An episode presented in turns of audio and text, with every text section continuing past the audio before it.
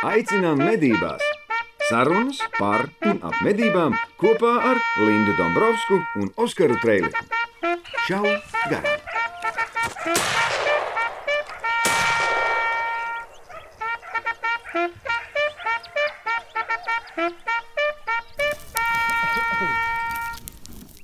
Sija ieroči. Lielākais mednieku veikalu tīkls Latvijā. Deviņi veikali dažādās Latvijas pilsētās. Tuvāk tavām mājām.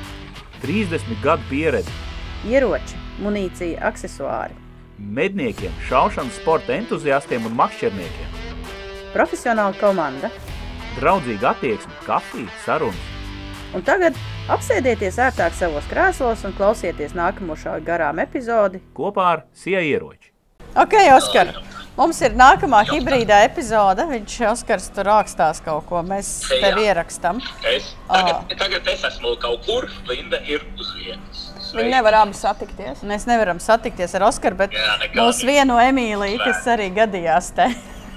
Šoreiz vairāk speciāli gadījās nekā, nekā Emīlija reizē. jā, Emīlija gadījās speciāli. Mums ir, Jā, mums ir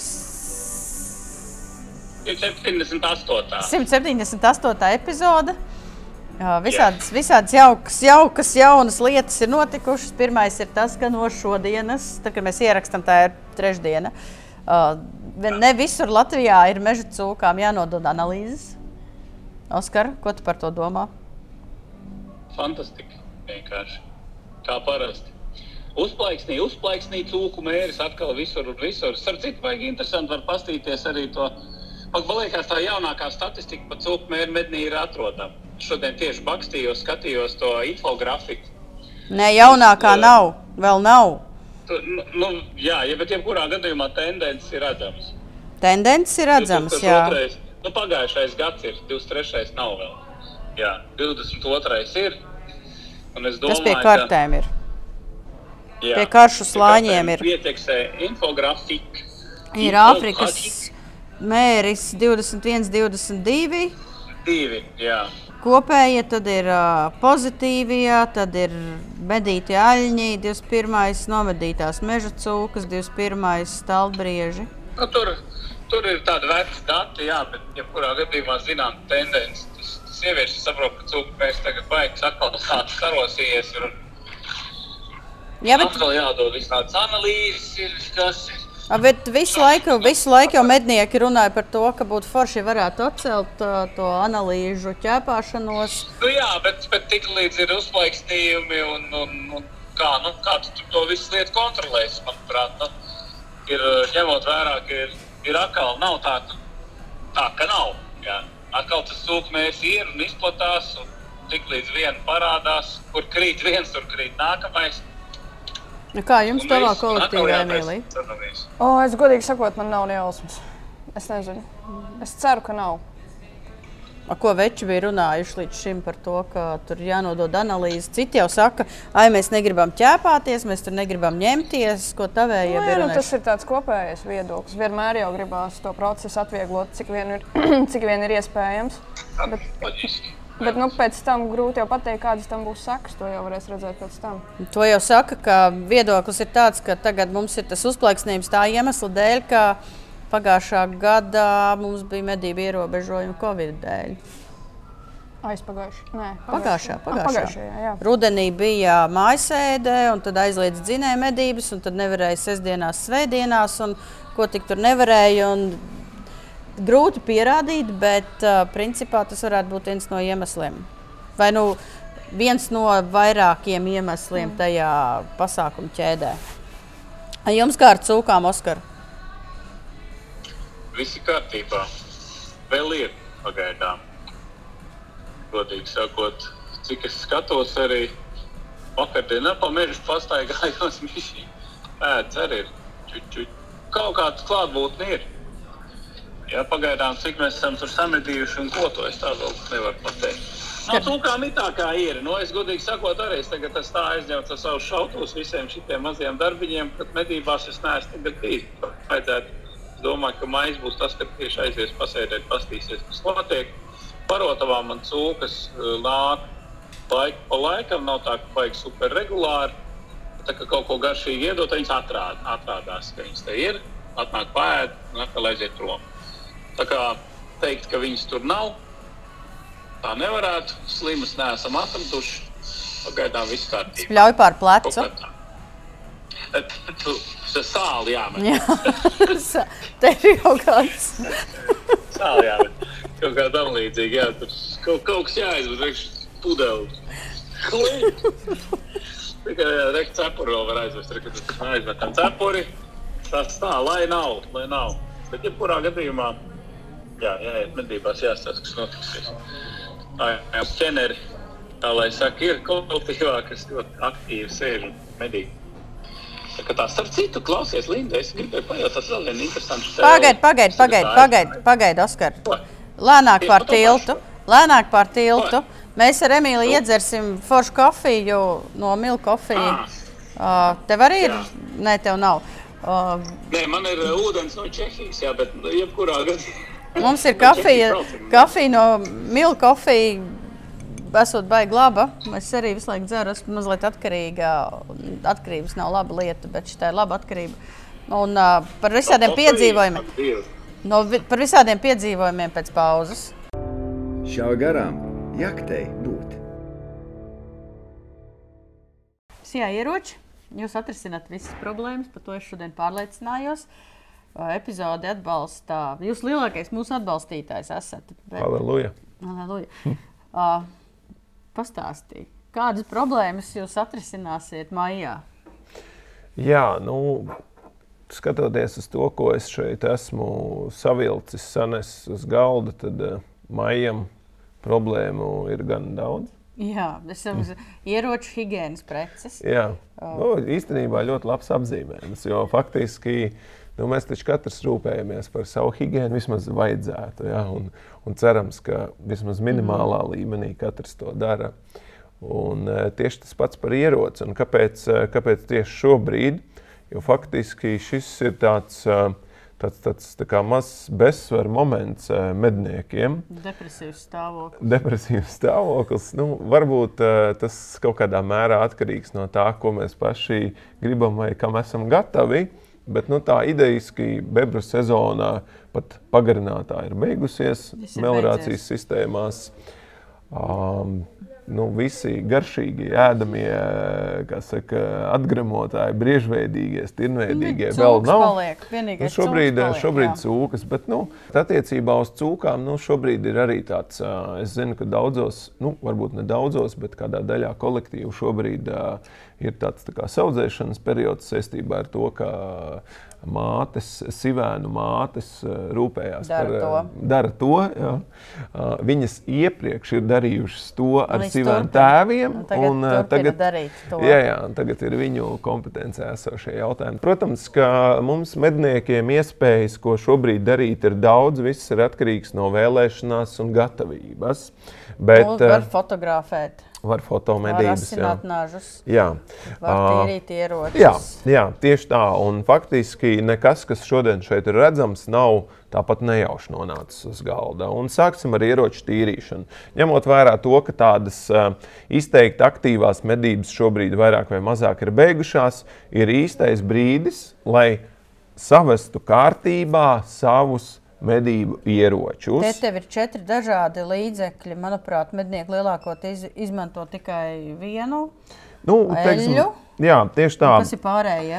Jā, tā tad uh, sāksim no lielākās un skaistākās pudeles. Tas ir pusstops, bet šoreiz ne medniekiem vai ieroču īpašniekiem, bet tas ir tātad Šaldampfer Reiniger, jeb šo latviskajā versijā klusinātāja tīrītājs.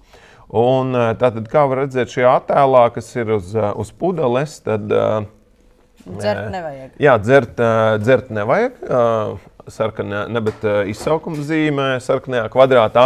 Bet tad ir ražotāji, kuru klusinātāji ir sadalāmi, respektīvi, vismaz divās vai vairākās daļās. Un tad ir iespējams izmantot šādu tīrītāju. Uh, ielējam, pagaidām, lai viņš izdara savu darbu, paskalinām. Uh, mums ir pieejami arī gumijas korķi, ar kuriem aizbāzt galus, un pēc tam lejam ārā izžāvējam. To pašu var darīt. Nav? Uh, nu, Nu, kā, nu, tā kā Ar izskalot, ūdeni? Jā. ar tīru šo te. Ar tīru šo te, un, Un tad, uh, un tad pēc tam jau uh, izžāvēt. Ja? Un, principā, to pašu var darīt arī ar viengabalā trokšņa slāpētājiem. Vienīgi tas, ka tad tur nu, tā rūpīgāk jāpieiet tam žāvēšanas procesam. Ja? Nu, tad tradicionālā eļļa faktiski nav vienas vislabākās eļļas. Manā uzturē katram patīk sava. Nu, šitais ir klasika, šitais ir balistols. Jā, balistols. Šis, balistols. eh, šis konkrētais ir gun, eh, balistola guneks versija, kurā teiksim, ir eh, sevi ļoti labi eh, tā kā, pierādījusi militārajā jomā. Un, nu, tā mana pārliecība ir tāda, ja tas dara armijā, nu, tad tam noteikti ir jādara arī Nu, medniekiem. šitā teļa vispār der visam ieroču kopšanai, brīvā dabā, Mhm. makšķernieku piedarumi, mm.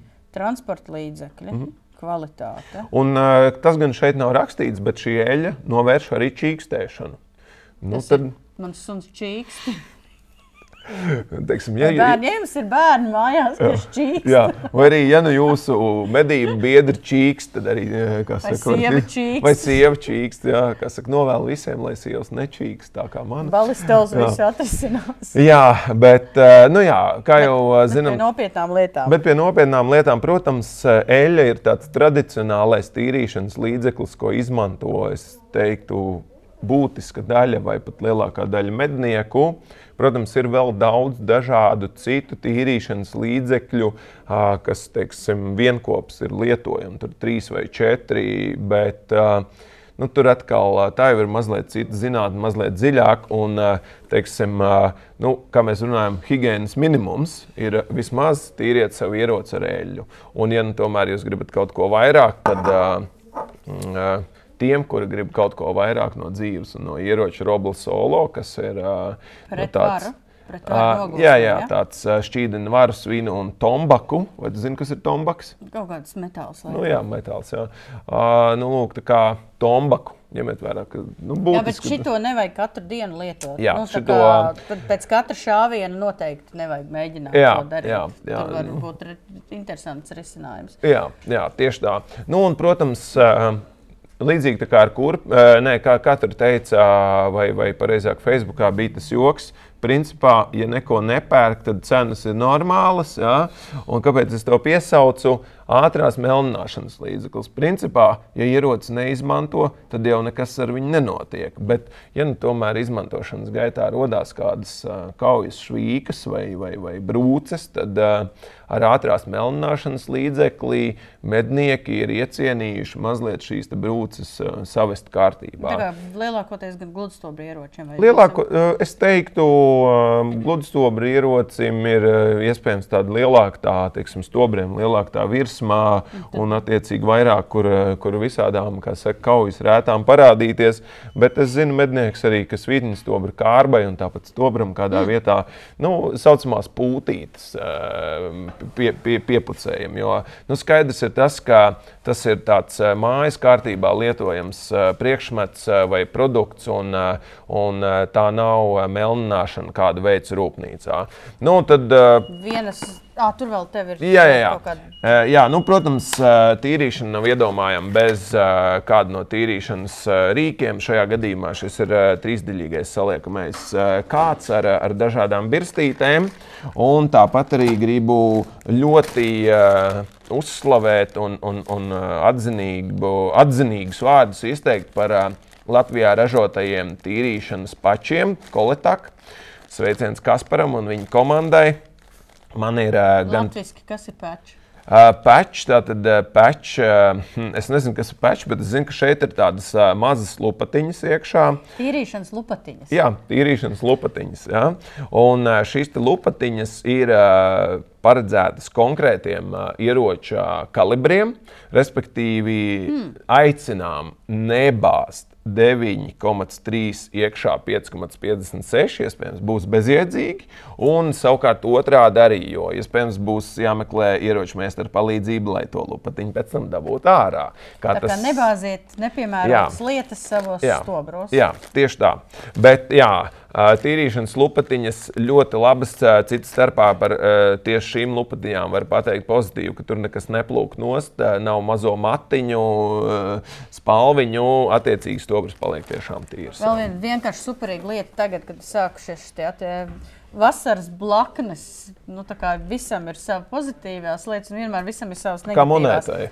Jā, šitais ir pret vasaras blaknēm, kas ir lidojošie asinsūcē visu veidu. Vienkārši fenomenāla lieta. Pārbaudīt dzīvē, bet šis kaut kāds jauns modelis. esmu. Uh, principā ir tā, ka modelis uh, tā konceptuāli nav jauns, bet uh, Mēs runājam par termoselu. Jā, termosēl, uh, bet ar ko šis ir īpašs, ar, ar īpašo krāsu. Jo faktiski tas, ko mēs esam dzirdējuši no, no medniekiem, un uh, makšķerniekiem un citiem mūsu klientiem, ka viņi nereti mēdz kā saka, Pazaudēt. Dzīvot savu dzīvi. Jā. Un, uh, līdz ar to šogad mēs izlēmām savā sortimentā piedāvāt šādas te košas uh, krāsas uh, produktu. Nu, varbūt īpaši garā zālē vai latvāņos nelīdzēs, bet, uh, bet uh, es teiktu, ka šī pat ir tāda stilīgāka krāsa kā iepriekšējā. Bet, bet šī lieta strādā.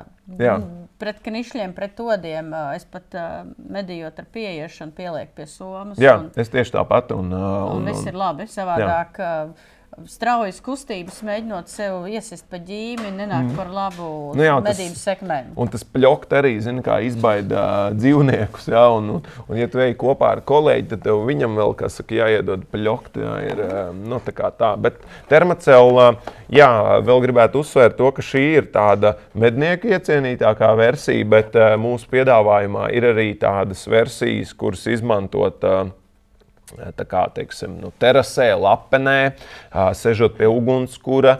Tāpat ir versijas, kas ir lādējamas, ā, uzlādējamas no strāvas, un, jo, kā zinām, šī darbojas ar gāzes ga- baloniņu kurš silda plāksnīti, bet versijas ir nāciet uz mm -hmm. ieroči. Gāzi nevajag salpoties. Jā, jā gāzi neelpojam. Nu ko, pārlādējam! Jā, mēs esam, mēs esam te uz vietas ar Emīliju, kur atkal iemēmurojās mūsu podkāstā. Jā, mēs esam pie biksēm. Mēs esam pie biksēm. Oskars ir kaut kur mašīnā. Tas automobīls. Bet tu esi, tu esi Latvijā, tu neesi kaut kur aizmēmurojis. Nē, nē, nē, es neesmu aizmērējis, es esmu atpakaļ. Emīlija, man te ir Nu, labi. jautājums, un jums abiem es uzdošu jums jautājumu. Davai, nu kāds tev ir Ko- jautājums, Linda? Kāpēc mēs gribam aizliegt uh, veciem medniekiem medīt ar medni? Ah, jā, tas ir, tas ir labs Tas arī man jautājums. ir nonācis šī informācija. Tas ir baigi labais jautājums. Neviens jau negrib neko aizliegt. Kāpēc aizliegt? Tāpēc, ka izrādās, ka cilvēki, es nezinu, kā viņi to un kur viņi to izloba. Un, uh, tas nekad nevienā mirklī nav bijis pateikts, pagaidi, kas te notiek, kāpēc es nevaru dabūt. Nē, nu vispār- vienmēr jau zini, kā, kad uzjūta to dūņu, tad jau tad ūdens paliek duļķains. Ja? Tad, un, un, un, un tad caur to duļķainu ūdeni tev sāk rādīties visādi brīnumi. Ja? Nav jau neviens nevienā brīdī teicis, ka kādam kaut ko grib aizliegt. Vienkārši tas, ka šis tas brīdis, nu, kad caur medi mēs medīsim. Nu, teiksim, Jā, bet, bet redzi, man, es, man, man Toms, man Toms atsūta jautājumu. Labdien, Linda! Jā. Es kā mednieks Labdien. vēlos izteikt savas domas par jūsu izveidoto aplikāciju Mednis. Es gan viņu neveidoju, es piedalījos veidošanā, bet nu labi. Esmu mežā kopš desmit gadu vecuma, kā dzinējs, un jau kādu laiku kā mednieks. Medībās man iesaistīja tētis, kurš dzimis 50. gadā un ir medībās tāpat kā es, kopš maza bērna kājas. Manu tēti medībās iesaistīja vecais tēvs, kurš arī bija mednieks kopš bērna kājas. Vecais tēvs bija leģionārs, un mans tētis vairākas reizes bija izmests no medniekiem dēļ tā, ka skaitījās ienaidnieka dēls. Tētim ir 73 gadi, bet viņš ir žirgts. Un apņēmības pilns viņa dzīves moto ir medības. Viņš lieto podziņu telefonu. Uh, un tagad jūt, ka tāpat kā padomju vara, tā tagad latvieši grib viņu izdzīt no meža. Linda, kāpēc Ā, tā? veidā. Klausies, skaties.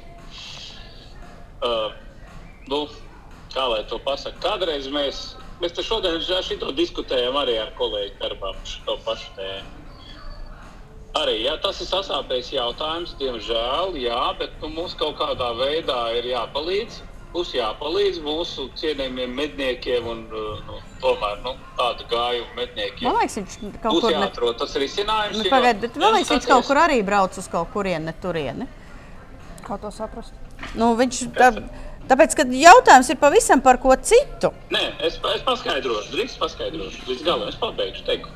Nu, lūk, un, uh, tā doma ir tāda. Skaties, kādreiz, nu, padomju laikā arī es esmu dzimis padomju laikā. Un, un tad, kad mums vajadzēja piezvanīt, un mājās telefons nestrādāja, es gāju tur uz stūra, stāvēju rindā pie telefona būdītes. Pēc tam parādījās mums mobīlie telefoni, ja, un viss teica, kas tā nu, kas tā nu.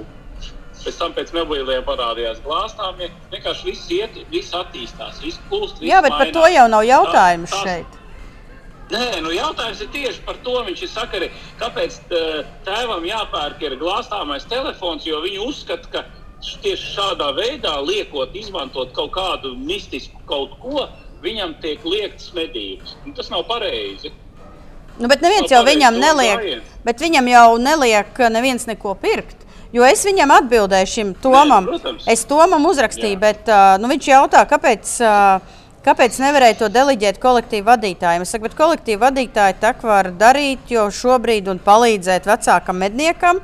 Jo tāpatās, ja viņa 73 gadus vecais tēvs aizbrauks uz mežu, nomedīs cūku, viņš to cūku mašīnā iecelt nevar. Kāds viņam brauks palīdzīgā, un tam, tas, kas brauks palīdzīgā, viņam būs uh, telefons, kurš, kurš palīdzēs ne tikai iecelt cūku, bet uh, norakstīt uh, meža cūku. Un tad viņa jautājums ir, palīdzēt ko? Mans fāters ar podziņu telefonu drīkstiet mežā un medīt bez aplikācijas mednis. Par to ir jautājums. Cilvēki ir izdomājuši, ka bez aplikācijas mednis medīt nedrīkst. Nē, tas ir muļķības. Es pat tik tālu neaizdomāju. Nu, bet par to Nopietni jau ir runa. No acīm redzot, jo, jo runa jau nav par to, ka aizliedz medības. Runa ir par to, ka tu nevari norakstīt meža cūku.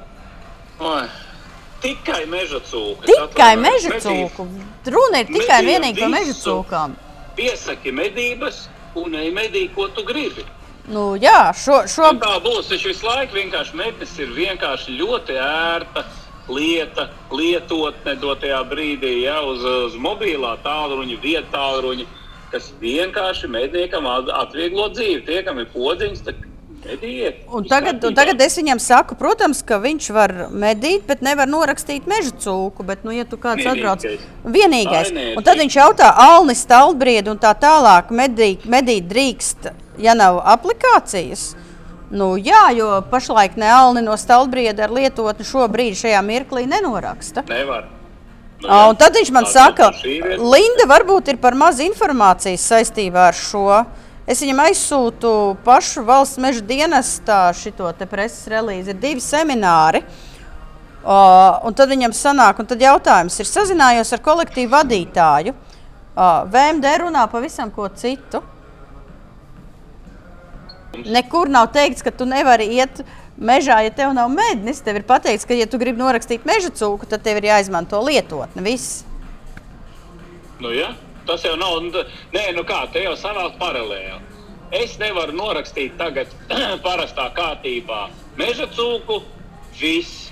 Tā tad man ir jābūt obligāti šitam, bez šitā mani nelaiž medībās. Tātad, ja man nav mednis, es netieku medībās. Nu, tā loģika aptuveni tāda tādā virzienā ir. Ne, tā nav. Medīt mēs varam, ej, medī, ko tu gribi, kā gribi, kādas problēmas. Vienkārši kā līdz šim nekas nav mainījies ar vienu, vēlreiz tādu zināmu, kā lieliem burtiem. Diemžēl, nu nevis diemžēl, bet par prieku nu, mēģinam, mēģinam norakstīt meža cūku, izmantojot lietotni mēdnis. Ja jums nav, tad ir kolēģi, kas palīdzēs -hmm. to izdarīt. un viss. Nu, tieši tik vienkārši. Nu, es nesaprotu. Nē, nu, jā, nu tā būs problēma, kamēr tas pārējais periods būs. Nu, pēc, Bet kur Nu, viņi ir izlobījuši? Kā var kaut ko no visas tās informācijas, kā var izlobīt no tā, ka tu nedrīkst iet mežā, ja tev nav lietot mednes? Nu, nezinu. Varbūt tās ir, eh, zini, kā es pieļauju, es pieļauju ka uh, varētu tas rasties no tā, ka mēs esam daudz stāstījuši, kā būs, kā mēs plānojam, kā gribētu. Kaut kādā. Ja? Kaut kad. Jā, un no tā, tad, jā, nu, protams, ka mēs gribam, lai, nu, es gribētu, lai arī, arī, ne jau tikai, bet arī izmantojot lietotni mēdīs, es varu pieteikt medības kolektīvā. Man nav nekur jāzvan, tas viss ir legāli. Es piespiežu podziņas, piesaku medības, super, es eju medīt. Es eh, norakstu jebkuru licenci, jebko mednieku, vai ne? Un man nav jādomā par uh, iet, kur paņemt kaut kādu savilcēju, vēl kaut ko. Nu, jā, man tā gribās, tā ir ērti, manuprāt. Nu, lai visi redz, kas ir nomedīts, kur nomedīts, vai cik daudz licences ir kolektīvā uz konkrētiem zvēriem. Nu, kāpēc nē? Tas ir slikti. Un man liekas, ka nav slikti. Pieteikt uh, uh, dzīvnieku klātbūtni, ja piemēram pēdas, vispārējais. A tas Kā, kā tev liekas, jaunajiem? Man liekas, jums tā, tā lietotne. Nu, tas, vienkārši- ir, tas ir plusiņš, plusiņa galā man šķiet. Kādus tu plusiņus redzi? Tas ir ļoti ērti, ļoti vienkārši, manuprāt. Nu, viņai ir vienkārši. Nē, nu kā, jauna, mums ir jāiet arī jaunieši. Jaunie mednieki, tā ir mūsu nākotne. Nu, tad, tad, eh, ja kāds no jauniem medniekiem teiks, ejiet, jūs bekot to lietot, dodiet man podziņu telefonu, nu, tad es pakasīšu savu ķirbi un domāšu, ka kaut kas tur nav īsti. Tad droši vien tas mednis ir baigais sūds. Labi, Nē, nu, vēl, vien, vēl viena lieta, vēl viena lieta, ko man arī vēl viens uh, uzrakstīja. Cits. Ne, es nezinu, man Vācijā sūta nezināms numurs, uh, sūta kaut kādas ziņas un video. un Es nesaprotu, kas tas tāds ir, bet labi, nav svarīgi. Uh, vakar naktī spaidot telefonu, pērnā rupšā vietā nospieda jaunāks par gadu un nosūtīja mednī. Mūks, vai tam būs kādas sekas? Bildē jau skaidrs, cik vesels.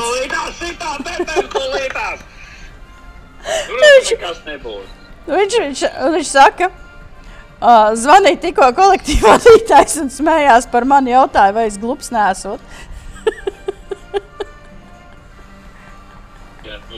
Kādu gadu bija plaukta nokrits? vai? Nu, es jau saku, bet mēs jau nevaram zināt, varbūt tai cūkai ir pēc nedēļas dzimšanas diena. Tad sanāk jaunāks pa gadu. Nē, nu, Dzimšanas apliecība neparādīja. Jā, tagad cūkām jāprasa apliecība dzimšanas neparādīja, jā. apliecība. Aizies uz PMLP, zinu, kā datus pieprasīsim vēl par cūkām. Ja, tagad vēl, zinu, kā cūku reģistrs. Ja, tur viņi kad dzimst, tad viņas reģistrējās normāli dzemdību namā, tad, tad PMLP ienāk informācija, un tad mums būs, būs inform- saskarne, kas uh, iegūs informāciju un datus. Ne visas cūkas vajag čipēt. Visas cūkas Jā. jāčipē. Ja? Jā, cūks jāčipē, un tad mēs zināsim, kur ir. Jā, jā, mēs viņām šo vakcīnu pret, pret, ko, pret covid, jā, un tā viņas uzreiz čiposies automātiski. Mēs uzreiz varēsim geolokācijā paskatīties, kur viņas staigā. Nu, tā. Zeme ir plakana, valkājam foliju cepurītes, uh, un augšā vispār mūsu indē čentrēlu. Jā, nu, Uz šīs nots mēs taisām pauzi. Nu ko? Lādē iekšā! Kas ar laikapstākļiem vispār ir sviests kaut kāds? Nu? Nesaprotu. Pareizi, jā, tāpēc ir augsts. Ievaziet. Mums vajag izdomāt Jā, plānu, ko mēs darījām ar tām ievām. Jo vakar no rīta bija silts, tad uzziedēja ievas, un tā kā ar nāzi nogriezta, palika augsts. Mums ir jālikvidē visas ievas. Bet tagad ir. Jā. bet tagad ir, ā, tagad mums ir tukšais periods, pilnīgs, pilnīgs tukšais periods. Ko tu iesaki darīt tukšajā periodā? Jā, Kā, nu, ko, nu braukt pilnīgi uz šautu? Ko, Ko tu vēl? šautavē darīt? Man munīcija dārga, viss ir Munīcija ir slikts, dārga, gaļa jā. slikta, viss ir slikts. Ko Nu, darīt Ja šautavē? viss ir slikti, tad jāsēž mājās. Tu biji sacensībās kaut kad, kad dēļos vai kur? tu Jā, īstenībā, jā, jā, jā, par to varētu parunāt. Jo mēs uh, reizi divās nedēļās aizbraucam uz interesantu pasākumu, kas notiek Kedaiņos. Svētdienas maratons saucās šaušanas sacensības, šaušana uz lidojošiem mērķiem.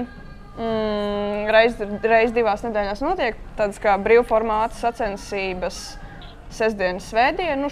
Šonadēļ notika, respektīvi, tad, kad mēs rakstām, šī, šajā nedēļā notika sestdienas, svētdiena, pirmdiena, vienkārši tāpēc, ka bija svētki. Trīs Un- dienas? Trīs dienas. Jā. arī šāvi trīs dienas. Es munīcija šauju divas pietrūks. dienas. Es šauju divas dienas. Jā, es, es tur šauju divas dienas, bija interesanti.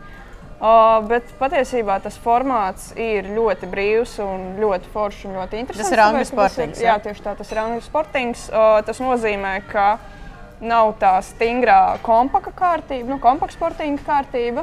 Nu, kompakts sportings ir ļoti nervozs pasākums. Tur ir temps, un tur tempiņš, neko nevar ne? saprast. un Tad tur visi viņi šķīvi lido visos virzienos. Un Vienkārši viss ir briesmīgi. Bet, nu, jā, angļu sportings man liekas, ir ļoti demokrātisks un arī uh, tajā daudz vieglāk ir iesaistīties jaunajiem šāvējiem, manuprāt. Vienkārši tāpēc, ka tas, nu, jā, kā tu teici, temps ir bijis šķiet lēnāks. Uh, uh, tu vari vairāk pakonsultēties ar kolēģiem, ar citiem šāvējiem, vienkārši aprunāties, ko tad, ko tad labāk darīt ar šo mērķi. Nu jā, regulē savu tempu. Mērķi ir patiesībā ļoti pietuvināti medību apstākļiem.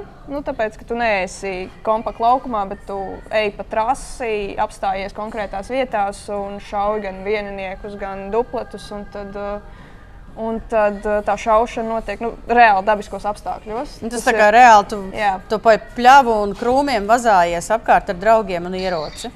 Golfs. Golfs. Ar ieroci, ar bišu. Galvenais tiesnesis nav. Tā kā principā tu vari sa- sarakstīt visādus krustiņus sev un uh, kvadrātiņus un rombiņus, un ko tik tur nevar sazīmēt. smaidiņus, jā. Smaidiņus. vai, mi, vai Pierakstīt komentārus, baigi nepatīk šis mērķis. Kā tu, kā tu skaties, piemēram, cilvēks sēž nezinu, maija vidus medībās, iet nu, īsti tās cūkas dzenāt negribās. Un, uh, tagad, ko lai dara? Kāds, nu, kā cilvēkam saņemties un Aizbraukt uz šautuvi? Jā. Nu, droši vien jā, tas grūtākais ir saņemties, ja tas netiek darīts līdz šim. Bet uh, mans ieteikums ir ņemt un saņemties. Ties, tas ir tieši tik vienkārši. Ar, ar, to saņemšanu, ar to saņemšanos tā uzmanīgi. Ja? Braucot uz šautu, var, var lūgt iepūst trubiņā. Bet, Jā, jebkurā starp citu, gadījumā- Oskar, starp citu. Mēs braucam reizi divās nedēļās uz Kedāģiem. Aptuveni vienādā laikā. Es neteikšu, ka katru reizi šoferim ir jāpūš trubiņā, bet katru otro reizi pilnīgi noteikti. Tāpēc, ka Nu, Lietuvā, Lietuvā tuvu Kedāņiem tur ir tāda viena baznīca, senāk braukt garām. Un, uh, Tieši pie baznīcas vienmēr svētdienās stāv policija un liek pūst trubiņā. Ļoti normāli. Ja man šautavē jāiet trubiņā, neliek pūst, bet kurā gadījumā arī tur var braukt. Man ir personīgi ar cilvēku sāk braukt, es to jūtu pēc tādas pēc intereses. Ja? Tā kā sāk uh, piešauj ieročus, uh, zina, kā izšauj visus liekos stobrus ārā, visus tās te šarlotas no stobriem izšauj ārā. Ja? Zini, kas ir šarlota? Nezinu. Nē, Nopietni! Nē, e, nē, Zirneklīte, šarlote. Nu, kas Nabag, ja tas ir tīklus, nu, diskriminācija pret uh, zirnēkļiem. Nē, nu, tas stāsts, jā, bērnu grāmatā, tur stāsts beidzās slikti. Nu, it kā slikti, bet. Nu, ja tu tas- šarlotu izšāvi no stobra, tur tas ir rezultāts ir slikts, jebkurā gadījumā. Jā, rezultāts ir ļoti slikts. Jā. Ja ne par Šarlotu runa, respektīvi, cil- cilvēki nāk un izšauties, viņi grib trenēties, grib kaut ko darīt un sagatavoties. Jā, tas viss process notiek. Medību kolektīvi arī tagad sāk braukt pie manis, piemēram, skrienošo pašaut vai kaut kādā veidā teiksim, sagatavoties nākamajai sezonai. Ja? Mēs no sākuma piešām ieročus, pašiem skrienošo, dažādas disciplīnas un tā tālāk. Jā, aizbrauc kādreiz pie kā skrienošais ir. jāpašauj. Jā, jā, jā. Mums eh, ne, eh, pagājušās nedēļas nogalē bija atbraukuši uh, studentu korporē, korporācijas biedri, jā, jau seni. Viņiem ir tradīcijas jau kuru gadu. Viņi uh, korporācijas mednieki tā vācās kāds bariņš un uztaisīja sev veselu pilnu dienas pasākumu, kur viņi šauj visu ko. jā. Es saprotu, ka tie ir studenti no Lauksaimniecības universitātes. Nē, tie nav studenti, bet tie arī korporēļi, Nu, kuriem beiguši sevi. Ja? Jā. Citu, ja? Un, nu, tādus mūsu medību sabiedrībā arī pazīstam cilvēki. Ja? Nu, lūk, un, un, jau šito pasākumu Arthurs, piemēram, ar kā korporāls netika. Piemēram, ja? viņš, viņš uzzināja to viņš vēlāk, jo starp tiem dažādas tās korporācijas. viņi Tomēr sazinājās, bet jebkurā gadījumā bija foršs pasākums. Un kas man visvairāk uzjautrināja, tas, ka tur var redzēt, ka tiem uh, korporāļiem viņiem asinīs ir viena svarīga lieta. Uzvarēt. Svarīga. Nē, nu uzvarēt tas jā. Eh, Duelēšanās, Linda, duelēšanās. Nu es saku, ka ne ar stobriem, Tas ir mēram. Nē, nu, Muguras kopā. Ar Jā, cimdu. bija. Es tevi jā. izaicinu. Jā, es tevi izaicinu uz hejā. Nu, mums bija, mums gāja vaļā, un tā bija viena no interesantākajām, vispār aizraujošākajām disciplīnām. Kā tu zini, man ir arī nu, šie metāla mērķi, dažādi, jā, un viens no tiem mērķiem nu, tā eglīte. Tā saucamā, ja, duel, duelēšanās koks, tā mēs viņu saucam. Tas ir pistoļniekiem ļoti populārs vingrinājums. Bet šeit mēs sakām, vai varam augt ar, ar, ar gludstobru skrotī. Ja? Tieši tas pats. Un divi. Abi divi blakus stāv un ir tā Kādā eglīte, distancē? Ja? Kādā laiks. distancē? Kas? Eh, Neliela distance bija kaut kādi 15, 20 metri aptuveni. Ja? Un viņiem Vajadzētu ir, ir tā, ka ir uh, sešas lapiņas, trīs vienā pusē, trīs otrā pusē. Un tev ir jāiešauj tā, lai tev pretiniekam nu, tā būtu tā lapiņa tādā pusē, kad noskanēs pa, signāls. pa tur eglīti šauj. laiku. Nu, pa vienu eglīti tur ir tas triks, ja, kad jūs divi tā maucat. Ja, tur un viens otram laiku šauj iekšā. Neierobežots Uz šaujiens eglīti šauj uz eglīti, nevis viens otram. Kas? Uz eglīti šauj nevis viens otram. Uz eglīti, uz eglīti, protams, jā, nu, loģiski. Mūsdienās. Nu, lūk, jā, jā, un tad. Tad, ja tu mauc vienkārši, ja tur atskan signāls, un mums bija tā, sākumā 45 sekundes tev ir. Pēc tam, uh, nu, tā kā playoffs, ja, tas, kas zaudē, zaudē, tas, kurš iet tālāk, iet tālāk. Un tālāk atkal nākamie tā grupiņa izveidojas un atkal playoffs. Tad atkal pa pāriem, pa pāriem, kamēr fināls.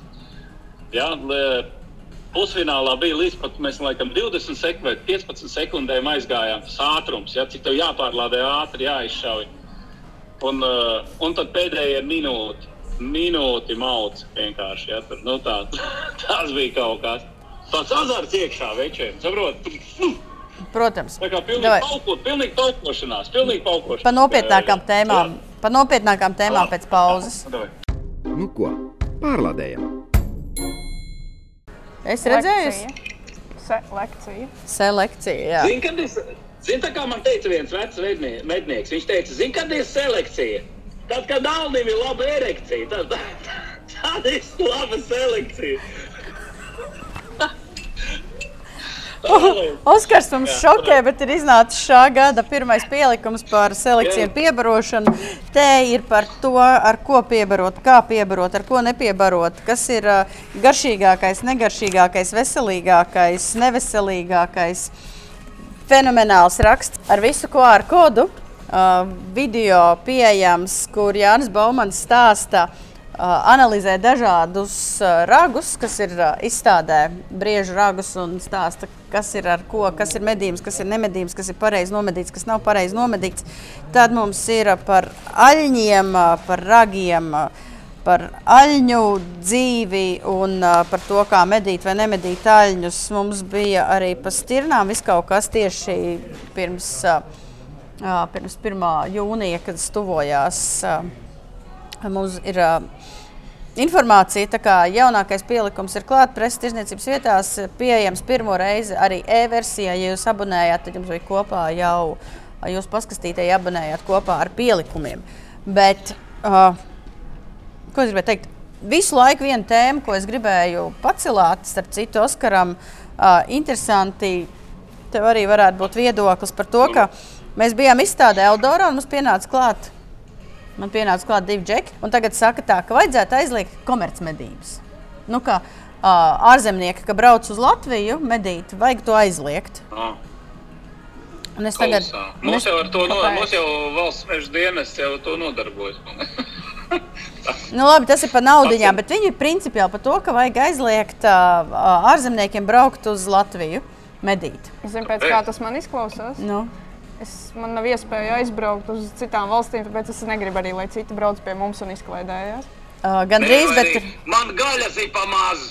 Dodiet vēl! nē, bet tur ir cits tā. stāsts. Stāsts par to, ka vienā, vienā kolektīvā, uh, laikam, kolektīva vadītājiem brauc komercmednieki un medīt bebrus. Un tāpēc, ka viņam, viņam, maksā, viņi, viņam maksā naudu, viņi citus medniekus nelaiž tur medīt bebrus vispār. Naudu, ko viņš saņem, viņš iebāž kabatā, nevis ieliek kluba kontā. Un tādēļ mednieki, kas no tā kluba nāk klāt un saka, mums, mums liekas, ka vajag aizliegt ārzemniekiem braukt uh, un medīt. Tas Jā, ir kā. es, es papildināšu šo te, es papildināšu pat tavu teikumu. Vajag aizliegt medniekiem, uh, ārzemju medniekiem braukt komercmedībās viņu platībās. Jā, es piekrītu. Nevajag. Jā, tas ir, tā kā, tas ir tā kā viens negatīvs gadījums, ir attiecināms uz visu un visiem un visur. Nu, tā kā Vienkārši tas ir jāatrisina, viena avārija, viena autoavārija un aizliedzam autovadīšanu. Vai, piemēram, viens uh, mednieks, murmulis, vai nav pat mednieks, vienkārši murmulis, uh, neievēro likuma normatīvos aktus, nošāva cilvēku uz lauka, kas ir vienkārši vaiprātīgi stulbi un drausmīgi traģēdija, un tagad ir kretīni. Nu, aptuveni tā. Nē, te, te tā, te pavisam vienkārši īstenībā. Ja šāds gadījums ir, eh, jāpaņem, protams, ir kolektīvs statūts. Manā skatījumā tas ir ļoti kliedzošs pārkāpums, kurā brīdī kolektīvu biedri tiek vienkārši apzakti. Nu, vistiešākajā vārdā. Jā, bet, nozīmē, bet jā, jā, jo jā. tas jau, ja viņam teicu, bet tas jau ir, tas jau nav ārzemju mednieku jautājums. Tas Jā. ir, Nē, tas ir tas ir kolektīva tā iekšējā. cilvēka. Es saku, tā ir Jā, jā, kolektīva iekšējais jautājums jautājums. Un es teicu tā, ka nu, nu, tad jums ir jāgatavojas pārvēlēšanām. Un viņi tā, Ai, nu tur neko nevar izdarīt, tur ir kaut kā nevar šitā, un tur ir tas, tur un, un ir šitais, bet jāizliedz ir ārzemju medniekiem braukt uz Latviju. Linda, Linda, man ir, es patēlu rociņu, zini, kā, zini, tā kā šī te parasti zumā.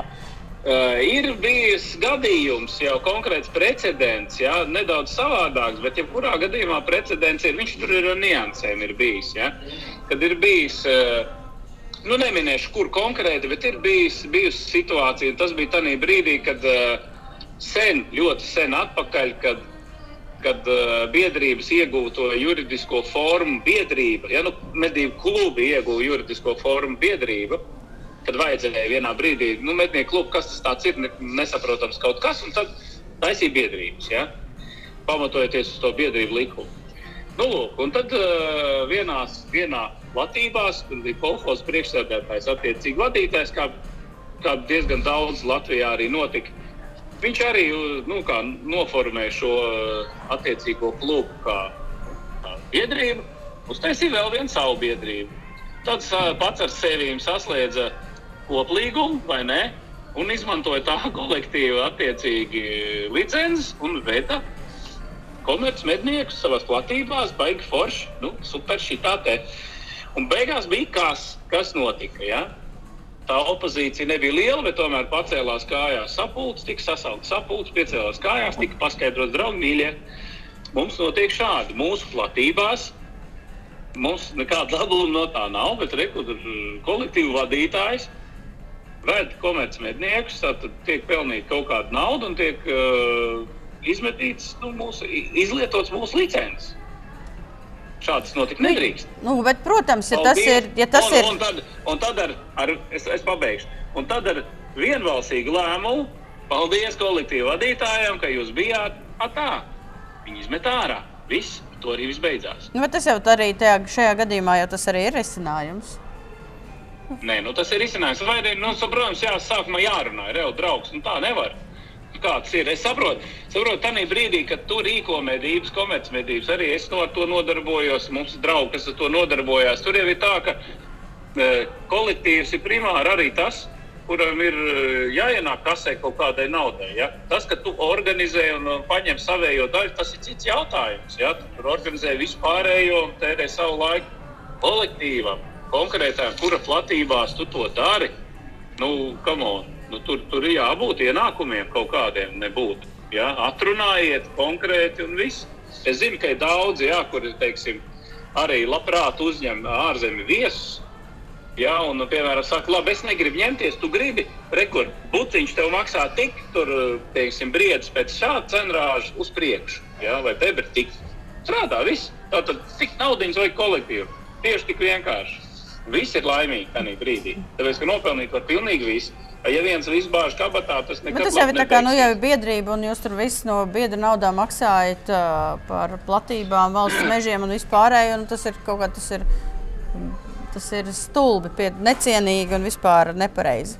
Nē, saprotiet, biedrībās, biedrībās tā vara nu, nosacīt pēc, man liekas, pēc biedrības likumiem. Man var pam, kā lai saka, palabot juristi, bet vara jau pieder biedriem.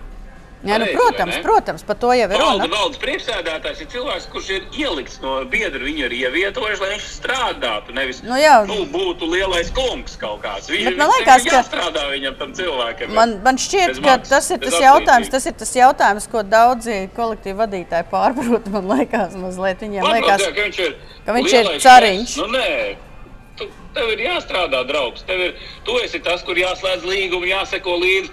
Un mēs tev čakarēsim prātā par to, ka tu neesi noslēdzis līgumu, vai tur kaut kas ir aizmirsts, vai mēs kaut ko esam pakāsuši. Nu, es tā, tēlēni izsakoties. Tā it kā vajadzētu būt. Mhm. visam. Tā būtu pareizi. Bet ir viena valsts, Jo- ir viena valsts kurā uh, komercmednieki nebrauc. Vispār praktiski ārvalstu mednieki nebrauc. Zini, kāda valsts tā ir? Nē. Nu, tad, Nu, uzminiet! Uz kuriem nebrauc uz Antarktiku, varbūt es Nē, valsts, kurā ne, ne, nav attīstīts un Grenlanda. šausmīgi grūti. Nē, ir šausmīgi grūti Tur tur oficiāli tur tikt uh, medīt vispār. Nā. Tā ir Eiropas valsts. Jā, jā, jā. Nu, labi, es nerunāju par Krieviju un vispārējo, kur ir cits problēmas. Eiropā. Nav Eiropas Savienības valsts, bet ir Eiropā. Norvēģija. Nē, Tā minēta Horvātija. Kas tur vēl bija? nu, nē. Horvā- Horvātija. Pie... Latvijā! Nu, nē. Nav Eiropas Savienībā. esam Eiropas Savienībā. Nē, nē, labi, pagaidi, kas mums vēl nav Eiropas Savienībā, bet ir Eiropas ekonomiskajā zonā. Mm -hmm. Jā, droši vien. Mm -hmm. Kaut kas tāds. Mm -hmm. Šveice, Jā, pitīt matos. Nu, nu, tiešām tik grūti un sarežģīti tur ir. jā. tāpēc, ka man kārtoja atļauju. Viņu vajadzēja iet konkrētā, Oh. kanton, vajadzēja konkrētā kantonā, jo ne visur tas ir atļauts. Ar manu Ah, nu mednieku apliecību pie vadības un pierādīt, ka es esmu cienīgi to darīt. Labi, ka mūsu Latvijas mednieku apliecībai otrā pusē ir angļu valodā. Nebija notāra tulkojums vajadzīgs. Un pēc tam man bija jākārto šaušanas eksāmenis. Okay. Un kāds? Latvijā es kārtoju šaušanas eksāmenu. Man atsūtīja veidlapu. Kārto? Man atsūtīja, jā, šāds eksāmenis Šveicē? Jā. esi Šveicis, ja? jā, man atsūtīja veidlapu. Es aizbraucu uz Rīgas šurtīm Es centru. jūtu te korupciju. Te korupcija. es jūtu. Nav korupcijas vispār. Jo prasības bija Nu, tādas, labi. iedod anketu, kurā ir ar karabīni un ar gludstobru. Man vajadzēja gludstobru, tas ievilka arī ar karabīni. Bet nē, ar gludstobru tā, ka jā, jāsašauj ir konsekutīvi četri mērķi. O. Augst, augstas prasības. Bet tā kā tev četras reizes ir jāšauj, tev jāsašauj četri mērķi. Es mūsu starptautiskajai tiesnesē iedevu anketu Olga Bardiša, ā, kur Jā. pieņēma eksāmenu. Skatījās mūsu gatis. Viņa pati zināja, ka viņa pieņem šobrīd Jā, eksāmenu. viņai vajadzēja parakstīties. Viņai vajadzēja parakstīties. Viņa parakstījās, ā, uzlika stempeli no šautuves, un mēs aizsūtījām dokumentus uz Šveici, un viss notiek. Šaušanas eksāmenis nokārtots. Nolikt. Nokārt. Ar to skrotīm šāpa pa mē- pa mērķi. Ja? Nu, kā nu bija jāšauj uz šķīvīšiem lidojošiem? Četri, četri, četri lidojoši, secīgi jāsašauj četri mērķi. Trajektorijas. Viss vienalga. Jā, Es Vienkārši pa- pametu gaisā un šauju. Mēs otrā laukumā šāvām. Jā, normāli. Es gan vairāk sašāvu, bet tad vajadzēja četrus krustiņus atķeksēt un parakstīties. Tāds, tāds bija. Jā. Bet, principā, ja tev nav gali un nav iespējas, tad tur netiec medībās oficiāli. Nu, jā, es Jo domāju, katrā, ir- jo katrā kantonā ir uh, citi nosacījumi. Un ir, viņiem ir pat tā, ka uh, viņiem ir viens mednieku eksāmenis, nu tā kā viens.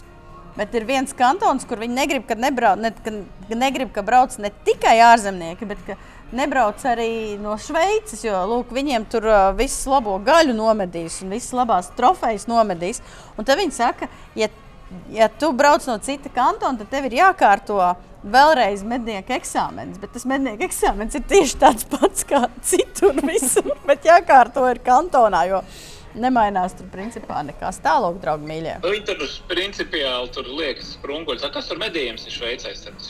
Nu, tur ir kā, principā, tas pats, kas mums, bet arī ģemzes. Un, viņiem kalni ir. Viņiem ir kalnu. kalnu. Nē, nu jautājums, kas tur ir? Kas viņiem ir reāli uz vietas daudz, piemēram? Es, Tā es tikšu, jā? man uzaicināja uz uh, stirnu dzinēju medībām. Ah, okay. Nu, Nu, man Stirnas tā tad ir, gēmzes ir. Brieži, brieži stalbrieži ir, meža cūkas ir, viņiem tagad vilki, Jorkšīras terjeru sēd un ponijas. Viss ir, viss notiek. Un, Ah, tad jau ir jauki. Jā, starp citu, par dzīvniekiem runājot, par vilkiem, par lāčiem. Citu, dzirdēju, ka nesen, kā tikko, kā varam paskatīties, Itālijā bija negadījums ar lācu mežā. Jā, ā, Slovenijā arī, Slovenijā nu patās arī ir uzbrukts, uh, uzbrukts cilvēkam pagājušajā Jā. nedēļā skrējējam. Jā, Uzmin, tas nebija kāpēc. Itālijā gadījumā. Kāpēc? Vai nu tur bija blakām kaut kur? ā, Pirms tam bija Itālijā, bet Slovenijā bija pagājušā nedēļa. Kāpēc, kāpēc uzbruka, kāpēc uzbruka skrējēji? Varbūt tās tur patās rajonā, Itālijā ar Sloveniju. Tas bija pirms mēneša. Tas, tas, kas bija Itālijā, tas bija pirms mēneša, bet pagājušā nedēļa bija vēl viens Jā. gadījums. Ah, ok, labi. Kāpēc tas bija skrējējis, tāpēc es arī jautāju tā. Tāpēc, ka skrēja. Ja tur bija Nu, Tāpēc jā, ko, skrēju, tad, kad tu redzi lāci, ko tu nedrīkst darīt? Rāpties kokā un skriet. Ja? Nedrīkst. Skriet prom, tu nedrīkst bēgt. Un ja tur bija vēl lācēni ar lācēniem, tad vispār auzas. Jo mums, mums tikko, tikko ir izstrādāts vadlīnijas par lāčiem, medniekiem un nemedniekiem. Viņus lasīja vai Jā, es kaut nelasīja? Es redzēju. Publicēts bija tikko kā kaut kas. Presē, internetā ir parādījusies saite ar to, kā rīkoties. Ah, nu jau ir Jo 80, ne- nu jau ir 80. Jo- Visu laiku bija 60, Jā, tagad jo ne, jā, jā, jo nenormāli daudz lāču parādījās Latvijā. Te jau 80 gabalu. Jā, uh, Igaunijā jau 1100 esot oficiāli. Nā, re, kur ir vad, vadlīnijas. Tā, ko mums saka, brūnais lācis. Iezini, cik daudz. Kas ir brūnais lācis? Brūnā lāča aizsardzības status. Kas liecina par lāču klātbūtni apkārtnē? Tiepiņas, jā. Pēdu nospiedumi, ekskrementi. Sūdi! Tu varētu atšķirt lāča ekskrementu no nelāča ekskrementu Nu, mežā. nelāča. Nu, cilvēki, jā. Vai viss ir es- A, Ko tu dari? Tu ej pa mežu un tev ir lācis. Ko tu Es dari? patiesībā interesantākais ir tas, ka es kaut kad, laikam, pagājušajā gadā vai aizpagājušajā gadā stāvēju zinēju medībās uz līnijas, un tad tas bija tas tieši tas brīdis, kad parādījās ļoti daudz video klipu par lāčiem. Mhm. Un Es, es tā sevi pieķēru pie domas, interesanti, ko vajadzētu labāk darīt. Tad, kad pa šejien man tagad iznāktu lācis, it kā būtu baigi labs materiāls žurnālam. Jā, Ko vilkt ārā? Stobru vai telefonu? Joks, protams. Man liekas, ka prātīgāk būtu telefona. Man liekas, ka prātīgāk būtu telefonu vilkt ārā. Kā izskatās lāča miga, kā rīkoties, atklājot lāča migu. Īsāk sakot, nefilmē, jo tad tev iesūdzēs tiesā, tāpēc ka tu uh, traucē nabaga lāčus. Kāpēc nedrīkst uzturēties migas tūmā? Kā rīkoties, lai izvairītos no sastapšanās ar lāci tā nomoda laikā? Nu tā. Ieteicams. Īsāk sakot, ir daudz eh, interesantas informācijas. Tā, eh, kur viņi var atrast šo visu? Medībām.CLV. Un mums tur ir arī rakstīts, ko darīt, ja sastapts lācis. Jā, tieši tā, ejiet medībām.lv. Netuvojies lācim, dodies prom, uzvedies klusu, atkāpies, negriežot lācim muguru un trokšņojot. Jā, tas būtu pirmais, ko Pagaid, tad gribētu izdarīt. Uzgriezt muguru. vai ne? Tad tagad ko? Būt klusam vai trokšņot? Kā jādara? Netrokšņot. Ne, es jau domāju, tā, ka, ja viņš tev nav pamanījis, tad tev nevajag ja ir pievērst uzmanību. A, Ja viņš jau tevi ir ieraudzījis, Tā labāk netrokšņot. Ja? ne otrādi. Tad, kad viņš tev nav redzējis, tad klusiņām tinies lapās. Ja viņš tevi ir ieraudzījis, tad jau varētu teikt, ej projām, lāci. Lāci, esmu šeit, ah, palīgā. Jā, ok, skaidrs. Nu, jebkurā gadījumā, eh, ejot sēņot, paņemam līdzi rāģiņu, vai arī skan, lai skan. Jā, dzied, Igauni saka, ka jādzied. Igauni jādzied. sarunājaties un sasmaržojaties ar savām labākajām smaržiņām. Jā, tādējādi novodīs ļoti ātri fēni un nemaz nesaprot. Induls mums rāda šitā. Šā garām jaktei būt. Kā tev ar ērcēm? Ar ērcēm. Es uztaisīju poti, man nav, man nav stresa. Bet, ne, bet ā, ā, tev, cik tu gadus jau taisi? Četrus gadus jau taisīji poti? Nē, man šoreiz noslēdzās cikls. Ah, Mm. es tev ir encefalīti. Tā ir čencefalīda. Jā, protams, īstenībā. Ah, ups, sorry. Īstenībā es nu, starp otro un trešo poti, jo kopā tas cikls ir trīs potes. Mm -hmm. Un starp otro un trešo ir diezgan lie- liels laika periods, un tad to trešo ir ieteicams uztaisīt laika posmā, kas bija laikam tur vairāk mēneši. Un, protams, es uh, gudri ierakstīju kalendārā, ka nu, šajā laika posmā man ir jāuztaisa tā pota. Kad es to atcerējos, tieši un precīzi vienu dienu pirms pēdējā termiņa. Labi, un? Vai tad, tas skaitās, ka nokavēts vai kā? Nē, nē, nē, tas neskaitās, ka nokavēts. Es, es paspēju, es visu uztaisīju, un tagad man ir nākamā pēc trīs gadiem, laikam, tikai. Jā, kā- bet ir jau vēl laimes slimība. Nu, diemžēl jā, no, tās, tās, ne- tā, no tās nekāda nepaglāpsies. Ja nu vienīgi vaktējot tās ērtas, kratot nost. Es vaktēju uz kratu un šodien aizbraucu, aizbraucu pie, sava, nu, pie savas suņa vetārsta. Vitārai vajadzēja kaut ko pārbaudīt. Pagaidi, mēs stāstu, stāstu, klausies stāstu. Mēs par ērcēm runājam. Jā, Oskars atkal pieslēdzās. Normāli gadās tā. izrūpījās. Nu, Nu, aizbraucu pie savas suņa vetārsta, tāpēc, ka vajadzēja tur pārbaudīt uh, vitārai, vai viss labi, viņai viss labi, viņai viss kārtībā. Sākām runāt par um, ērcēm. Šogad vienkārši vaiprātā ērces, bet Tā es savus suņus pūšu un visus pūšu. Un, uh, atnākot no meža, tu novelc drēbes, un, un suņiem ir foresto, un viss tiek kontrolēts. Un es tagad tai vetārstei tā saku, nu, man laikam, nu, baigi daudz nav vispār piesūkušās. Viņi saka, kā viņi ir izņēmuši kaut kam savam radiniekam vai vēl kaut kādam mērķim, aizsūtījusi pārbaudīties. Īsāk sakot, es iekāpu mašīnā, braucu, nobraucu 3 km, pielieku pirkstu te Oh. aiz auss. Man tur ir ērce. jā, ir caurums. Jā. Ir caurums. Un es tieši gribēju, es tieši braucu uz SIA ieročiem, lai varētu safilmēt. Uh, vai vēl kaut ko es zinu, ka mēs ar Indulu tur tiekamies, bet man ir pusstunda un es biju gribējusi kafiju padzert. Un es domāju, es nevaru iebraukt šajā kafejnīcā. Tāpēc, ka man ir ērce, nu kā es varu dzert kafiju, ja man ir ērce. Tagad, zin, tā doma, tā pilsētas centrā es esmu, man tā doma tā griežās, tagad atveru internetu vaļā. Nu, kur es to ērci? Es netieku klāt, ja es pati tiktu klāt, es varētu izņemt. Es netieku klāt. Uz poliklīnikas iet, negribu uz veselības centru, negribu. Es vienīgais, ko es dabūju, kā pareizi izņemt ērces ārā, izlasu. Okay. Man ir mašīnā roku dezinfekcijas līdzeklis, tagad viņi ir jāmēģina nogalināt. Es viņu tur uz, uz to līdz papīra virsū turu braucu, aizbraucu. Domāju, ai, gan jau sijā ieročos, kāds man palīdzēs. Eju iekšā. Tagad saku, man ir intīms dabas jautājums. Kurš no jums var izņemt ērci? Divi, kur? divi, divi aizmuka. Divi džeki aizmuka, pazuda. Viens aizgāja traumēts ar, ar sirds klauvēm, otrs vienkārši pazuda. Arnis, viens no mūsu iepriekšējiem podkāstā, šiem galvenajiem varoņiem, bija gatavs uzņemties šo atbildīgo mīļi. lomu. Man ir, ā, tele, man ir parādīšu, runājot par Šveici, pagaidi. Ļoti noderīga lieta visās dzīves situācijās. Saldētājs. Nu, es taču man laukos ir, un kuras saldētājs ne, nekas nav. Man ir šāda te, šāda te kredītkarte, izmēra, kredītkartes izmēra struntiņš, ko ir taisa Viktorinoks ar visādām, visādiem 13 dažādiem pielietojumiem, un viens ir pincetīte.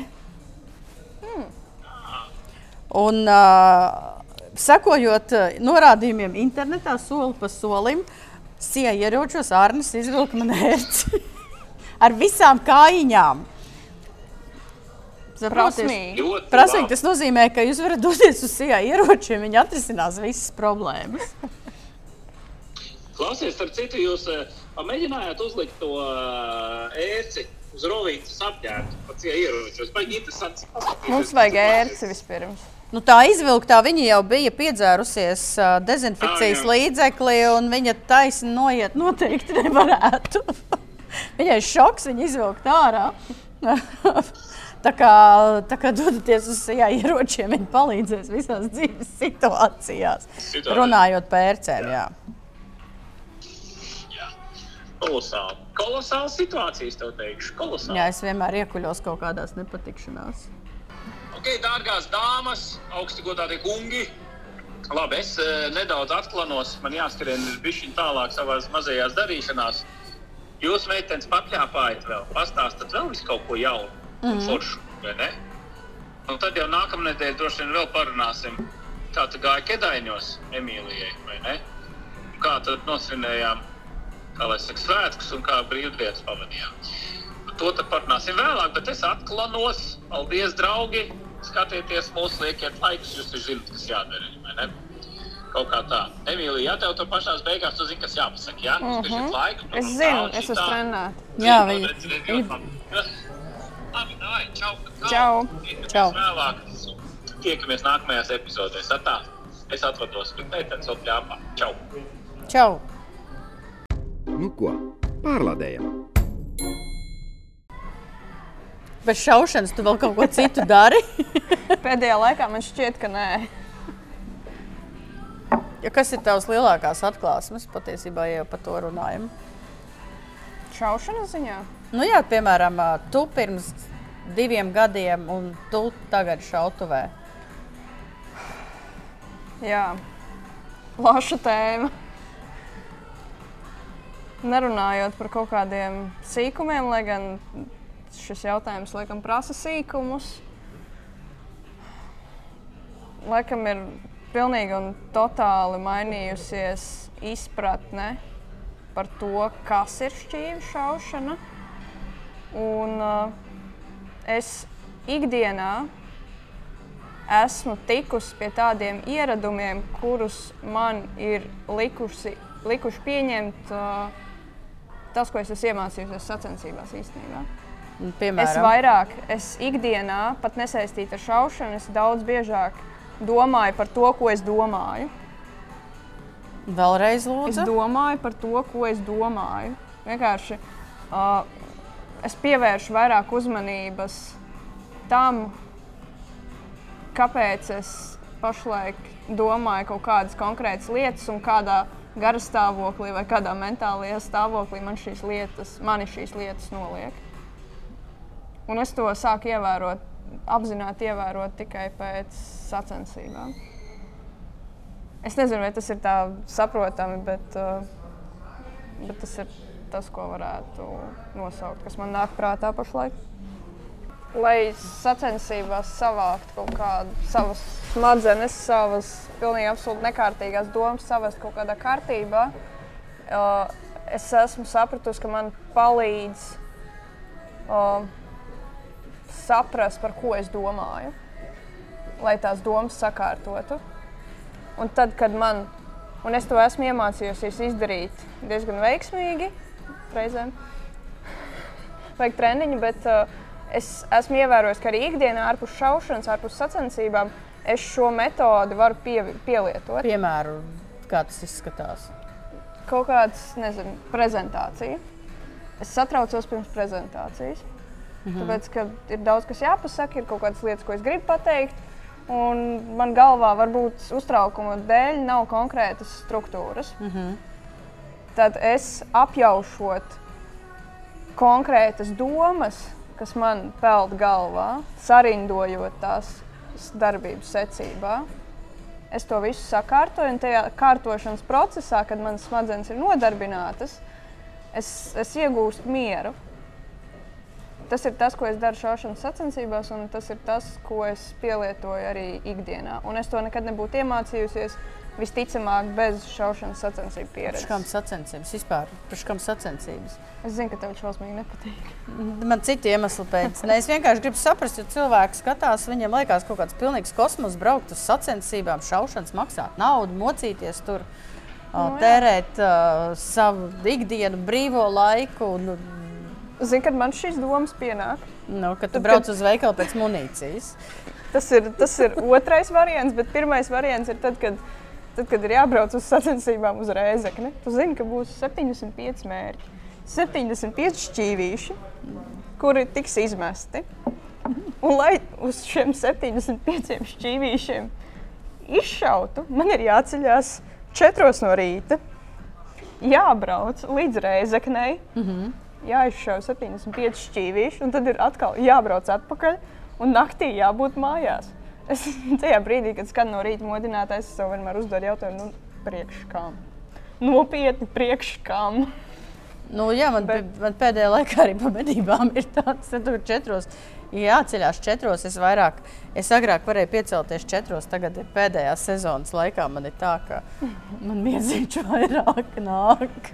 Bet nē, nu arī medībās īstenībā, tad, kad tu tomēr piecelies un aizbrauc, tad, ir, tad tu vienā brīdī saproti, ka tas jau īstenībā bija to vērts. Jā, nu, protams, tajā procesā, bet līdz tam procesam ir jātiek. Bet kas, ko tev nozīmē sacensības? Priekš kam sacensības? Man pašai personīgi bija ļoti grūti saņemties, lai sāktu šaut sacensībās, tāpēc ka pašas, ja ne gluži pirmās, bet vienas no pirmajām sacensībām man bija ļoti smagas.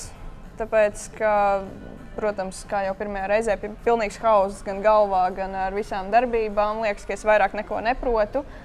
Uh, rezultāts bija vienkārši šausmīgs, briesmīgs. Tad, uh, tas, uh, tās visas sajūtas, kas pēc tam pirmajām sacensībām nāca, man neļāva saņemties aizbraukt aptuveni pusgadu, vairāk kā pusgadu.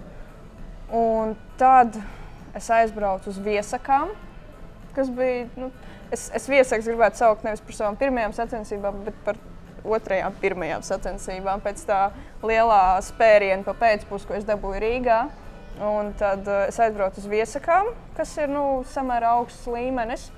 Es aizbraucu pilnīgi un absolūti bez, bez ambīcijām. Nu, tā man nav ambīciju, es zinu, ka Tas būs ir- šausmīgi Tas ir, grūti. tas ir tā, tā sajūta, tas, ka, ar, kurām, ar kuru ir jābrauc uz Tieši tā. pirmajiem mačiem. Tieši Savādāk tā. tu aizbrauc un tev liekas, ka tu, tu zini, bet tas uztraukums ir tāds, ka tu apmēram, nezinu, uh, caurēji un vemšana visos iespējamos virzienos. abiem un- galiem. Un tad tu, un kādu rezultātu tu vari cerēt no sevis, ja tas, ko tu gribi sasniegt, patiesībā ir vienīgais, tev ir jāizdzīvo tajā dienai cauri un jābauda tas process, tāpēc ka tik slikti nebūs vairāk nekad. Tieši tā. Nu, tā kā vispār Un, nebūs. un starp citu, tieši tajā brīdī es aizbraucu pilnīgi bez ambīcijām, tāpēc ka tas ir viesaks un visi man ir līdz šim sabaidījuši, ka būs briesmīgi, būs slikti.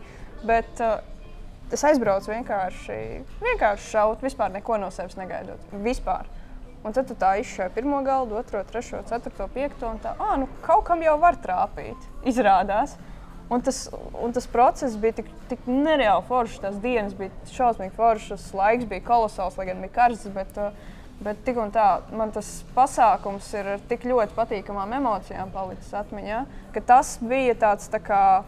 Um, spēriens, lai aizbrauktu uz nākamajām, nākamajām, nākamajām, nākamajām. Un tad, ieejot tajā procesā, ieejot ritmā, tad jau Tur acīm redzot, vienmēr tā ir pirmā pieredze. ir pirmā pieredze. Jā, tieši tā. Tā ir. Jā. Tur tā kā nevajag braukt uz mačiem pirmajiem. Vispār sākt braukt uz mačiem, nevajag domāt par rezultātu. Vispār rezultāts būs slikts defaultā. Vienkārši būs slikts. Neceriet uz brīnumu. Brīnumu notiek šausmīgi rati, bet, bet, bet tā sajūtas. Nu, priš, priš, tu taču vari braukt uz trenēties uh, katru dienu. Kāpēc tev ir jādzenās uz rēzekni? Pasākums. Godīgi sakot, pasākums. Tāpēc, ka viens ir iespēja paskatīties, ko es māku, ko man ir izdevies saprast, iemācīties, varbūt ne konkrēti, ne tikai pareizāk sakot, nevis konkrēti šaušanas prasmju ziņā, bet kā man ir izdevies iemācīties tikt galā ar, to, ar tām savām iekšējām sajūtām, ar emocijām un uh, mentālo stāvokli. Tas ir viens, protams, otrs ir paskatīties, kā, ko man ir izdevies iemācīties nu, šaušanas, nu, šaušanas, šaušanas ziņā. Un tad trešais, nu, man personīgi mazākā mērā, bet nu, kaut kādā ziņā jau tas ir arī socializācijas process. Satikt cilvēkus, satikt šāvējus, parunāties. Tas ir arī interesanti. Un apbraukāt, paskatīties dažādas vietas. Dažādas vietas, kurās es droši vien nebūtu aizbraukusi savādāk. Tas man liekas, labākais iemesls, kad tu aizbrauc uz vietām, kur tāpat vien nebūtu braucis un saticis cilvēkus, ko tāpat tās nebūtu Jā, tieši tā. saticis. Nu ko? Lādē iekšā! Es nezinu, mēs šodien uh, ierakstījām uh, mūsu mazo brāli ķeram lielo devītā epizodi, kur bija saruna ar divām uh, meitenēm. Viņas, viņas pirmo reizi taisa, tā kā pirmo reizi Latvijas makšķerēšanas sporta vēsturē ir tā, ka ir vesela komanda tikai no divām meitenēm. Un es, kad viņi runāja, es sapratu, ka patiesībā tie stereotipi ir copes pasaulē ir daudz dziļāki nekā medību pasaulē. Tad kādi var, varētu būt? Jo viņas visu laiku, jo viņas visu laiku saka, ir jāsaņemās un jābrauc, un jāsaņemās un jābrauc. Un izrādās, ka uh, sieviete laivā nenes veiksmi.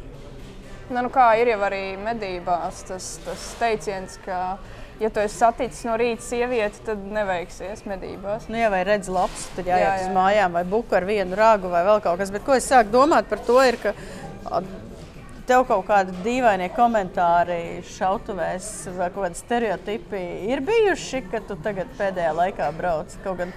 Nu, ne tik ļoti stereotipi, bet tas, ko es vienmēr dzirdu, ko man saka cilvēki, kas nu, skatās no malas vai kā, bet vai pat paši drīzāk nav šāvēji vai nav šāvuši. Viņiem nav jābūt obligāti šāvējiem, bet viņi vienkārši nav šāvuši. Kā tu tik smalka meitene vari noturēt to stobru? Tev nesāp, tev nesit. Emīlija Sada mazohiste. Jā, es braucu uz šautuvu, lai man sistu. Ierocis no tā ir par ieroci. Jā, runa ir par ieroci. Un ko tu viņiem saki? Nu, Ko es viņiem saku? Es, saku, nu, es, es izskatos šausmīgi sasista. Es izskatos šausmīgi nomocīta. Nu, tas Tie ir arī mednieki vai? Nu, tie ir nu, jā, arī mednieki, bet mazāk. Nu, mednieki mazāk, nu, tāpēc, ka šī ir tā izpratne. Nu, nosacīta ir tā izpratne. Bet nu, lielākoties tie ir cilvēki, kas nav šāvuši. Jā. Vajag interesanti. Baigais stereotips, baigais. Baig, baig, ka, no kaut kurienes ir nācis tas pieņēmums, ka tas ierocis šausmīgi sit. Jo es zinu, tā, ka brauc uz kaut kādiem semināriem cilvēki, kas nav šāvuši, viņi vaiprātīgi baidās no tā, tā drausmīgā atsitiena. Tas vajag no ieroča ir atkarīgs. Bet grūti arī patiesībā to tā, nu, man personīgi pilnīgi objektīvi novērtēt, tāpēc, ka tu kā šāvējs, tu jau esi pieradis diezgan lielā mērā. Tad ir grūti tikt atpakaļ uz to, nu, kaut vai domās, iedomāties uz to pašu sākuma punktu un tad iztēloties to nulles punktu, kā ir. Jā, tāpēc, ka tev ir paveicies. Man ir paveicies. Man pēc jā. katras, kad es sāku šaut, pēc katras šāviena ap, šautos apmeklējuma bija zils vaigs reāli. Man tikai tur aizgāja, tad es strādāju zemkopības ministrijā, aizgāju uz darbu, priekšniece. Ā, tu atkal biji šautuvē. Nē, man, man zils vaigs īstenībā nevis zils vaigs, bet zils zots šeit, šajā vietā. Man bija tikai ļoti īsa brīt, brītiņa, un uh, to ļoti ātri atrisināja pareizais vaidziņa augstums. nu, jā, tādas lietas vēlreiz un vēlreiz mēs atkārtojam, ja jums ierocis sit, nav jāciešās. Ir, um, ir vienkārši jāpaskatās dažas lietas, ko vajag pielāgot. Laidas garums, vaidziņa augstums, kas tās problēmas atrisinās. Pārsvarā tas ir laidas garuma problēma. Laida ir par īsu. Labāk ir, lai laida ir pa garu, nekā laida ir pa īsu. Ja pa īsu būs problēmas, ja pa garu būs mazākas problēmas. Vismaz nebūs tik sāpīgas problēmas. Jā. Atsistie, atsistie deguni, jā, rīkšķiem. Jā, un uh, pārsistējas Mm. šitie pirksti un No- vēl no visādas lociņa. citādas problēmas, kaut kāds ārprāts vienkārši. Vēl viena man šodien atklāsme ierakstot uh, ķeram lielo bija par to, ka medības patiesībā ir mazāk bīstams nekā makšķerēšana. Kāpēc? Saprot, es, kad es eju viena pati medīt pa mežu, uh Mhm. -huh. nu, ja neskaitu kaut kādu ā, pilnīgi aptrakušu lāci, kur iespējamība ir nezinu, absolūti minimāla, ka viņš man tur uzradīsies, Tad makšķerējot ir aptrakuši makšķernieki. arī nē. Līnekas. Nē, bet es eju pa zemi. Es, es Ah. eju pa zemi. Man, man tā kā nedraud uh, Noslīkšana. noslīkšana. Uh, Ziemā ledus var ielūst, vasarā ir laiva. Tu viens pats ar laivu augstā ūdenī iegāzies iekšā. Nu, tu, Bija jau gadījums mums tas ziemā. Nu, jā, principā beigās sēdēju, domāju, ka nē, medības tomēr ir daudz. Uh, daudz drošāks pasākums nekā makšķerēšana. Mēs vismaz laivā nesēžam. Pa krāpēm Izņemot pīļu nebraucam. medībās. Nu, nu, jā, arī. Bet nu, procentuāli, cik, cik bieži tu esi laivā medībās? Nezinu, vienreiz, vispārējo medību fona. vienreiz divos gados, varbūt trijos, labākajā gadījumā. Galu galā pīls taču arī var medīt nenolaivas. Tieši tā. Es nezinu, man tas likās, es tā sēdēju, domāju, tur viena tā meitene absolūti drosmīga brauc viena pati. Viņa viena pati iekāpa savā laivā un brauc makšķerēt kaut kur. Un tad uh, bija sarunāts, ka viņas uh, sazināsies, tās pārnieces. Vienai tik slikti gāja copē, ka viņa vairs negribēja ar vienu runāt. Viņa nevienam, nevienam neatbildēja, pats sēdēja mājās, analizēja, ko viņa ir slikti un nepareizi izdarījis. Un tā otra, tā viņas uh, kolēģi sāk uztraukties, ka viņa kaut kas ir reāli noticis, nu, kas ir pilnīgi reāli iespējamība. Mm. Šausmas. Izrādās, viņa vienkārši negribēja ne ar vienu runāt. Dramatiski. Tā kaut kā mums iet. A, principā, ja tev būtu jāizvēlās braukt uz mačiem vai braukt uz medībām, Ļoti neētisks jautājums. kāpēc? Ļoti būtisks jautājums. Nē, īstenībā, jā, man ir bijis, bijis, bijusi situācija, kad man tas lēmums bija jāpieņem. Mm, pāris reizes es pieņēmu braukt uz medībām, jā. Bet bija arī reizes, kad es aizbraucu uz sacensībām, domājot, ka nu, uz medībām arī sanāks aizbraukt. Tā kā es domāju, ka tas savā, savā ziņā izlīdzinās. Nu, es nezinu. Nu, nu, es nezinu. Tā kaut kā, draugi, mīļie, mums kaut kāda šķība greizi kārtējo reizi hibrīdā 178. epizode. Oskars kaut kur meimaro. Mēs tagad mēģinām no Skype dabūt ārā ierakstu. Balss ir ierakstījusies. Varbūt tās viņa attēlu arī beigās Varbūt būs dabūsim. bildīti. Varbūt būs bildīti, bet to jau esat sapratuši tagad, kad noskatījušies, vai bildīti ir vai nav. Šitā epizode bija sadarbībā ar SIA ieročiem. Veikals, kur jūs ne tikai dabūsiet kafiju, parunāt ar cilvēkiem un dabūt visādas noderīgas lietas, bet viņi arī atrisina principā visas dzīves problēmas. Ļoti draudzīgi. Arnis, Arni, tu esi mans varonis reāli. uh, un uh, mēs dzeram milku kofiju. Uh, Forša superīga kafija. Viņiem tagad varat apstīties viņiem Facebookā, var pasūtīt kafiju. Viņiem tur kaut kādas bija net atlaides vai nē, kaut kas bija baigi forši. Bet, jebkurā gadījumā, daļa no ienākumiem tiek ziedot armijas, Latvijas armijas veterāniem, kas ir superīgi un forši. Jā, tā kā tā. Laba epizode, labas sarunas, garšīga kafija. Uh, jaunākais pielikums, uh, otrs pielikums būs augustā, bet šis te ir klāts. Manuprāt, ļoti noderīga informācija par aļņiem, par stalbriešu selekciju, par piebarošanu. Tīpaši liela daļa šī pielikuma ir par piebarošanu, kā pareizi, kā nepareizi, ko ar ko, kāpēc uh, to visu darīt. Tā kā tev Oskars deva uzdevumu. Jā, man Oskars deva uzdevumu, un es zinu, kas man ir jāizdara. Mums ir, mums ir jālasa žurnāls medības. Mums ir jāabonē žurnāls medības, tāpēc tas ir pats vienkāršākais veids, kā tikt pie žurnāla katru mēnesi laikā un neiet uz visādiem piemājas veikaliem, kur līdz ar žurnālu var nopirkt arī visādas citas nevajadzīgas lietas. Tad, tad ietaupīt naudu. Un pats galvenais ir ejam mežā, braucam uz šautu, kamēr mēs neesam mežā un spiežam laiku. Abonējam žurnāla medības kanālu un galvenais. Nemēslojiet mežā, nemēslojiet nekur. Ja jūs redzat, ka kāds to dara, aizrādiet un savāciet savus sūdus. Ņemamies nost! Mākslinieks beidzies!